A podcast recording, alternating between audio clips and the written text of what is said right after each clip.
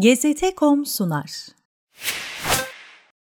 Lübnan'ın başkenti Beyrut'un güneyinde bulunan tarihi Şuf mıntıkasının Dibbiye köyünde matematik öğretmeni Mürşit Bustani ile piyano öğretmeni eşi Helena Gorbil, 27 Haziran 1907 günü ilk çocuklarını kucaklarına almanın sevincini yaşıyordu.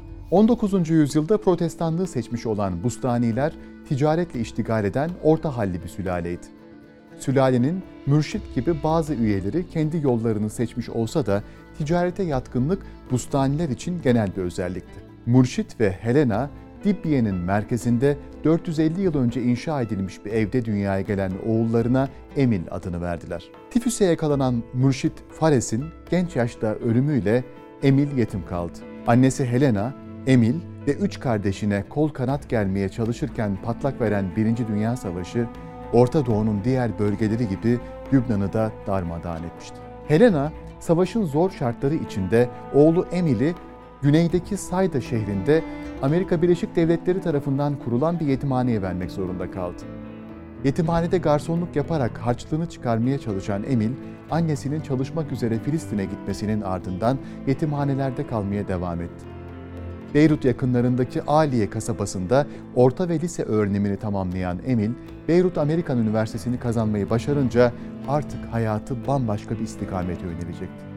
Hayatının bu devresinde Lübnan'ın ünlü ailelerinden mağluflara mensup bir zenginin Aliye'deki okul müdürüne bana parlak bir çocuk gösterin burs vereyim teklifiyle müdür Emil'i işaret etti. Böylece üniversiteyi bu cömert burs sayesinde herhangi bir sıkıntı çekmeden tamamladı. Beyrut Amerikan Üniversitesi'nde mühendislik eğitimine başlayan Emil, fakülteden sonra astronomi alanında yüksek lisansını tamamladı. Mezuniyetinin ardından Filistin'e giderek Ramallah'ta bir yıl öğretmenlik yaptı. Sonrasında yeniden üniversiteye döndü. Özellikle astronomi alanında çalışmak ve ustalaşmak istiyordu. Ancak 1930 yılında Beyrut'un zengin ailelerinden birine mensup Laura Siriani ile tanışması ve ona İngilizce öğretmekle görevlendirilmesi Emil'in hayatını değiştiren bir rastlantı oldu. Emil, Siriani ailesini üniversitenin rasathanesine davet ederek onlara gökyüzünü seyrettirdi. Aklından her zaman çılgın düşünceler geçen Emil, üç Yunan arkadaşını yakınlardaki bir ağacın tepesine çıkararak ziyaretin romantik bir ortamda cereyan etmesi için onlara buziki çaldırdı. Böyle hikayelerde sıkça rastlandığı gibi genç öğretmenle öğrencisi birbirlerini sevdiler ve evlenmeye karar verdiler. Emil, üniversitede kalıp akademisyen olmak isterken genç nişanlısı Laura onu mühendisliğe ve iş hayatına yönlendirdi. 1932'de yüksek lisansını tamamlayan Emil, eğitimini daha da derinleştirmek için Amerika'ya gitmeye karar verdi. Beyrut limanından bir gemiye binerek New York'a ulaşan Emil, daha sonra Boston'a geçerek Charles Malik isimli bir arkadaşının teşvikiyle MIT'ye kaydoldu. Charles ve Emil ömür boyu sıkı dostlar olarak kaldılar. 1933'te Lübnan'a dönmesinin ardından Emil ve Laura evlendi. MIT'den yüksek lisans derecesi elinde bulunduğundan bir işe yerleşmesi zor olmadı. Irak Petroleum Company'ye girdi ve iki yıl çalıştı. Ardından yine eşinin desteği ve teşvikiyle Mısır'da Kamil Abdurrahman isimli bir arkadaşıyla ortak olarak kendi müteahhitlik şirketini kurdu. İlk sermayeleri yalnızca 100 Mısır lirasından ibaretti. Bu sermaye de Emil'in annesinin yüzüğü satılarak elde edilmişti. Mısır'da bir süre çalışan Emil, şirketteki hisselerini devrederek Lübnan'a döndü ve kendi işlerine yöneldi. Lübnan'da Şükrü Şemmaz ve Abdullah Huri yeni ortaklarıydı. 1937'de resmen kurulan şirket 1947'de Beyrut'ta ilk ofisini açtı. Bu süreçte Filistin'in Hayfa şehrinde yaşayan Emil ve ailesi şehrin Siyonistler tarafından işgalinden sonra Beyrut'a yerleşti. Emil burada işlerini daha da büyüterek bu defa herhangi bir ortak olmaksızın kendi şirketini kurdu. CAT. Hızla büyüyen şirket Lübnan'ın her şehrinde şubeleşti ve Arap dünyasına yayıldı. Suriye, Ürdün, Filistin ve Irak'ta her türlü inşaat ve müteahhitlik ve altyapı işlerinde artık CAT imzası vardı. İşlerini daha da büyütmek isteyen Emil Bustani, İngiliz şirketleriyle temasa geçerek onlarla ortaklık kurmaya girişti.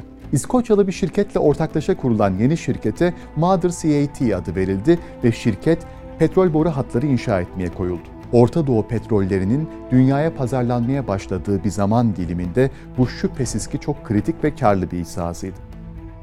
1950'lerde CAT ve ortakları Orta Doğu'nun en önemli altyapı kuruluşu haline gelmişti. Özel uçaklarıyla Orta Doğu'nun her yerine seyahat eden, Arap halklarıyla yakın iletişim kuran ve onları Batılılarla tanıştıran Emir Bustani kısa süre içinde bütün bölgenin en çok tanınan insanlarından biri olmuştu. Onun insanlarla direkt diyaloğu şirketinin başarıya ulaşmasındaki sırlardan biriydi şüphesiz. Emir Bustani'nin CAT'si sadece petrolün aranması, bulunması ve taşınması işinde hizmet vermiyordu. Petrolün getirdiği zenginlikten faydalanmak ve ülkelerini imar etmek isteyen Arap yöneticiler de CAT'nin kapısını çalmaya başlamıştı. CAT böylece Arap şehirlerinde devasa inşaat ve altyapı projelerine de girişti. Şirket inşaat işinde öylesine ustalaşmıştı ki sadece bir hafta içinde çölün ortasına sıfırdan bir kasaba kondurabiliyordu. CAT'nin bu ünü Arap yöneticilerinin tercihlerini de elbette etkiliyordu. Körfez'de Kuveyt, Emil Bustani'nin özellikle büyük kabul gördüğü bir ülkeydi. Sadece inşaat ve altyapı değil, eğitim ve sağlık hizmetlerinde de Bustani'nin tecrübelerinden faydalanan kuvvetli yöneticiler bu zeki ve girişimci Lübnanlıya her türlü imkanı sağladılar. CAT, Kuveyt'te okullar, üniversiteler, havaalanları, otoyollar, camiler ve endüstri şehirleri inşa etti. Taraflar arasındaki etkileşim öylesine kuvvetliydi ki Kuveyt Üniversitesi'nin bahçesine Bustani tarafından bizzat tasarlanıp konulan dünya biçimli beton heykel daha sonra Kuveyt'te pulların ve resmi para birimi dinarın üzerinde sembol olarak yer aldı. Kuveyt'teki başarılarının ardından Emir Bustani Abu Dhabi'yi inşa etmeye girişen ilk isim oldu. 1958'de Abu Dhabi emiri Şeyh Şahbut'la bir araya gelen Bustani, aldığı direktiften sonra Birleşik Arap Emirlikleri'ni bugünlere taşıyan modernizasyon sürecini başlattı. Emri Bustani, Abu Dhabi'yi inşa etmeyi üstlendiğinde şehirde yalnız üç tane bina vardı. Bir otel, bir İngiliz bankası ve emirin sarayı. Geri kalan bütün evler ahşap ve bambu malzemeden yapılmıştı. Havaalanı olarak kullanılan yer tozlu bir düzlüktü. Yolcular uçaklardan inerken yere atlamak zorundaydı çünkü yer hizmetleri kavramı henüz yerleşmemişti. Valizler de arkalarından kucaklarına atılıyordu. Kuveyt ve Birleşik Arap Emirlikleri'nden sonra Umman ve Katar'da yönetim için saraylar inşa eden CAT, Irak Krallığı için saray yerleşkesi ve Ürdün'de bir havaalanı projesini tamamladı. Sudan'da sıfırdan bir şehrin kurulması da yine bu dönemin işlerindendi. Cezayir, Libya, Gine, Gana ve Nijerya'da devasa işler alan CAT, ardından Pakistan'a yönelerek orada da enerji santralleri inşa etti. Bustani'nin Pakistan'daki projeleri öylesine göz alıcıydı ki Lübnan Cumhurbaşkanı Reşit Kerame Pakistan'a resmi ziyaret bile düzenledi. Tüm bu baş döndürücü faaliyetlerin sonucu olarak CAT, 1950'li yıllarda 17 bin çalışanı bünyesinde barındıran ve 19 ülkede toplam 35 ofisi bulunan dev bir holdinge dönüşmüştü. O dönemde askerler dahil Lübnan'daki devlet memurlarının sayısı ise sadece 14 bindi. Yani CAT, Lübnan devletinden daha büyük bir hacme sahipti. Bölgedeki birçok devletin sivil uçuşlar için henüz uçağı bile yokken CAT'nin hizmetinde 8 uçak bulunuyordu. Emil Bustani ve şirketin üst yönetimi Orta Doğu'nun çeşitli bölgelerindeki dev projeler arasında uçakla mekik dokuyordu. Orta Doğu çapında devasa işler yapan bir holdingin patronu olarak Emil Bustani bir süre sonra siyasetle de yakından ilgilenmeye başlamıştı. 1943'te Lübnan'ın bağımsızlığını kazandığı süreçte protestoları finanse etmekle siyasete ısınan Bustani, 1951 seçimlerinde Milli Sosyalist Cephe üyesi olarak parlamentoya girmeyi başardı. CAT'ye ait uçakların seçim bölgesinde köylerin üzerinde uçarak halka dağıttığı propaganda kağıtları Lübnanlılar için adeta film sahnesi gibiydi. Bustani ile birlikte seçilen Kamil Şamun, Gassan Tuveyni ve Kemal Cumplat da yine Lübnan siyasetinin önemli aktörlerindendi. Emil Bustani siyasette oldukça etkin ve aktif bir portre çizdi.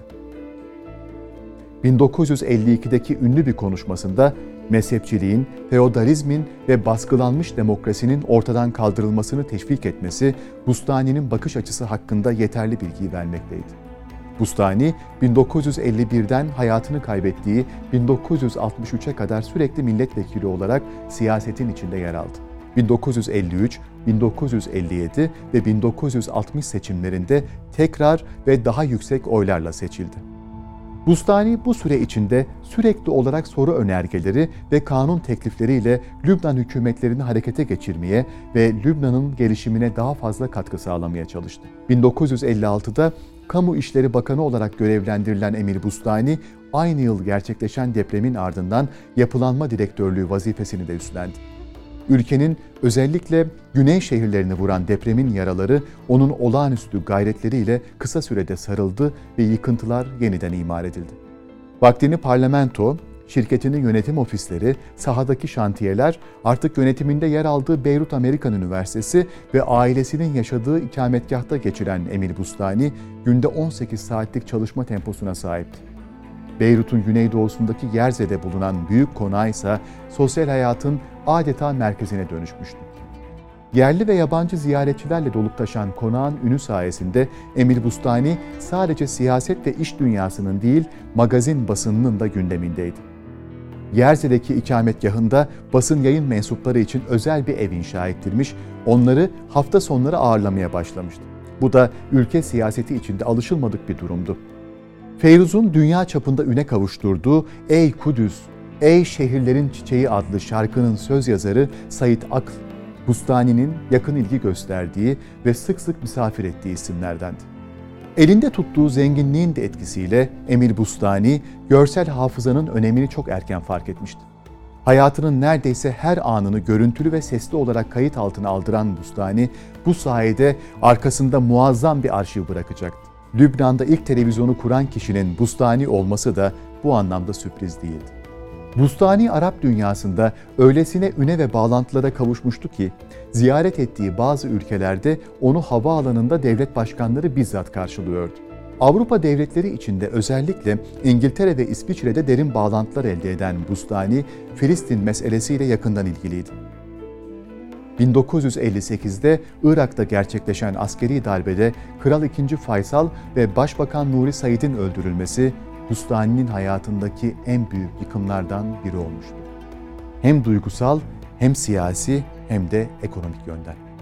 Faysal ve Said'le kişisel dostluğu bulunan Bustani evine kapanıp 24 saat boyunca kimseyle konuşmayarak yaşadığı şoku atlatmaya çalışmıştı.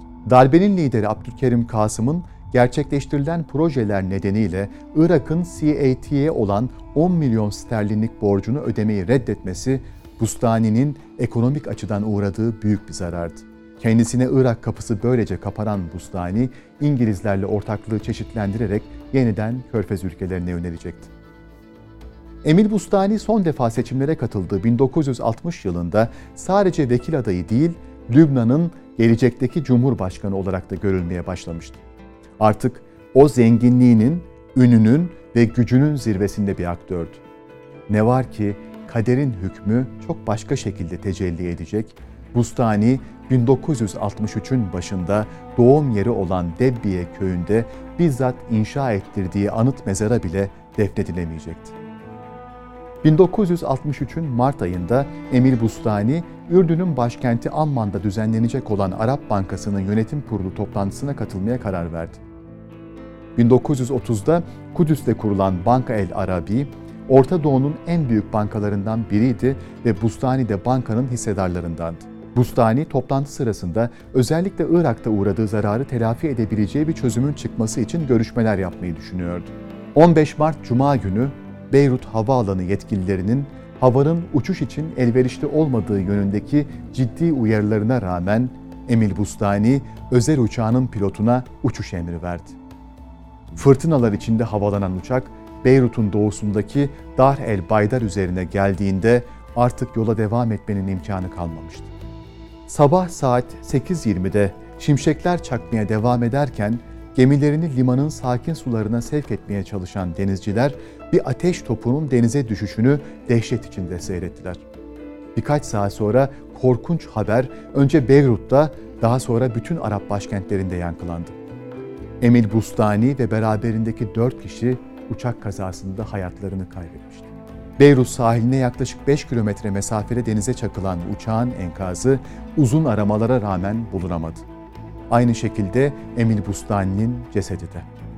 Orta Doğu'nun her bir karışında izi bulunan bu zeki ve cevval adamdan geriye sadece inşa ettiği eserler ve devasa bir imparatorluk kaldı. İslam coğrafyasını daha yakından tanımamıza yardımcı olacak bu serüveni bizimle birlikte takip etmek için kanalımıza dahil olmayı, video dosyalarımıza beğeni ve yorumlarınızla katkı sağlamayı unutmayın.